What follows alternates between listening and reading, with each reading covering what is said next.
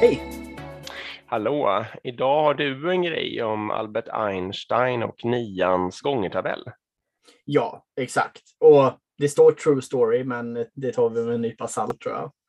Um, men den, den, storyn går så här då att Albert Einstein skrev då på whiteboarden, eller det var ju en blackboard på den tiden.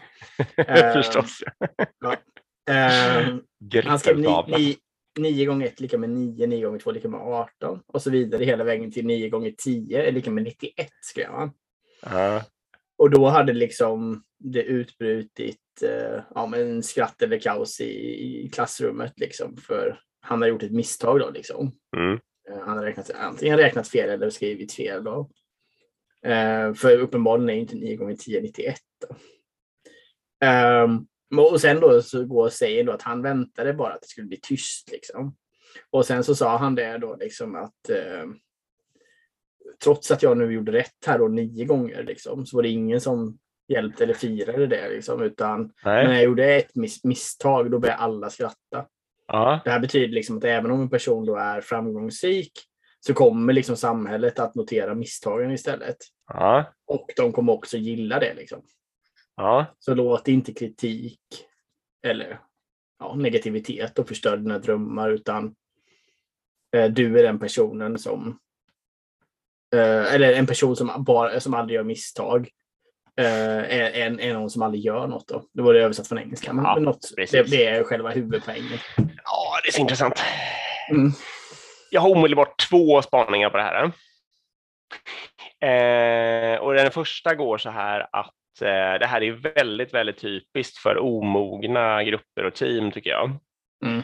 Eh, självklart, och eller att det hänger ihop med organisationskulturen som sådan i och för sig också. Men sådana team när man lite så här är lite nervös inför sin egen position, då är det väldigt ofta, då är det väldigt nära till han som rackar ner på de andra när de gör någonting eh, skrattretande eller dåligt. Liksom. Eh, och spaning nummer två är det ju, eller det var ingen spaning, men det var precis det som var på slutet, att det enda säkra sättet att aldrig få de där skratten är att sitta blickstill i båten, precis ja. som du sa. Och det kan ju lamslå stora organisationer eh, om det är mycket sådana liksom. lite anklagande, dömande kultur när man skrattar lite åt någon som gör fel. Då håller, då alla gör precis det de gjorde igår och inte fick kritik för och ingen vågar liksom ta tag i någonting eller testa något nytt eller något sånt där, för det blir då helt livsfarligt.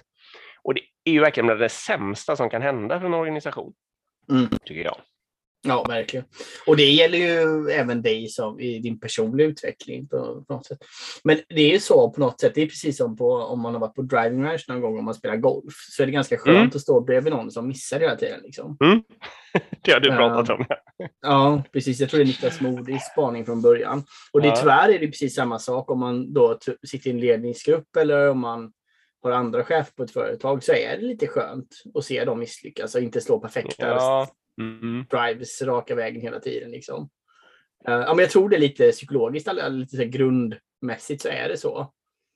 Um, Så det där måste man på något sätt vara med eller ja, det där måste man tänka på. Liksom. Uh, och verkligen celebrata istället när folk gör bra saker.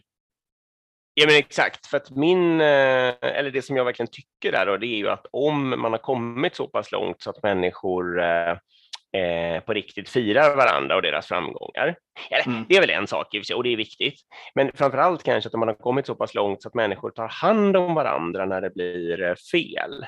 Mm. Alltså om de peppar appar, frågan om man kan hjälpa till. Eh, vad ska vi göra nu? Oj då, det där får vi se till att det aldrig händer igen, men jag menar, det fattar jag att det kunde hända liksom och så vidare. Mm. Eh, då, då ökar ju genast innovationen och, och risktagandet, liksom, för då, mm. kan, då känner man ju det att okej, okay, jag kan klantar jag till det här nu så kommer de andra stå bakom mig, liksom, inte tvärtom. Nej, men verkligen. Eh. Och, och där är det tyvärr ovanligt. Många chefer, det är sällan de mm. liksom mm empowerar och säger fan vad bra, jag litar på er, kör bara. Liksom. Utan det ska alltid gå in och kontrolleras detaljer ja. och sen ska det vara okej, okay, men vad finns det för risker? Jaha, okej, okay, och bla, bla, bla. Och så blir det bara tråkigt istället. Liksom. Så jag tror många chefer skulle må bra av att ha en chef som bara kom in och applåderar. Liksom. Mm. Ja, men det, är, okay. det är en bra spaning. Och eh, precis om ni vill eh, utbilda alla väldigt snabbt det här nu, då gör ni bara den här nians gångertabell med ni, där ni äh, gör fel på den sista. Se vad som händer. Mm. På en whiteboard nu det här 2022. Ja, det är bra. Säger vi. Hej. Tack för idag. Hej.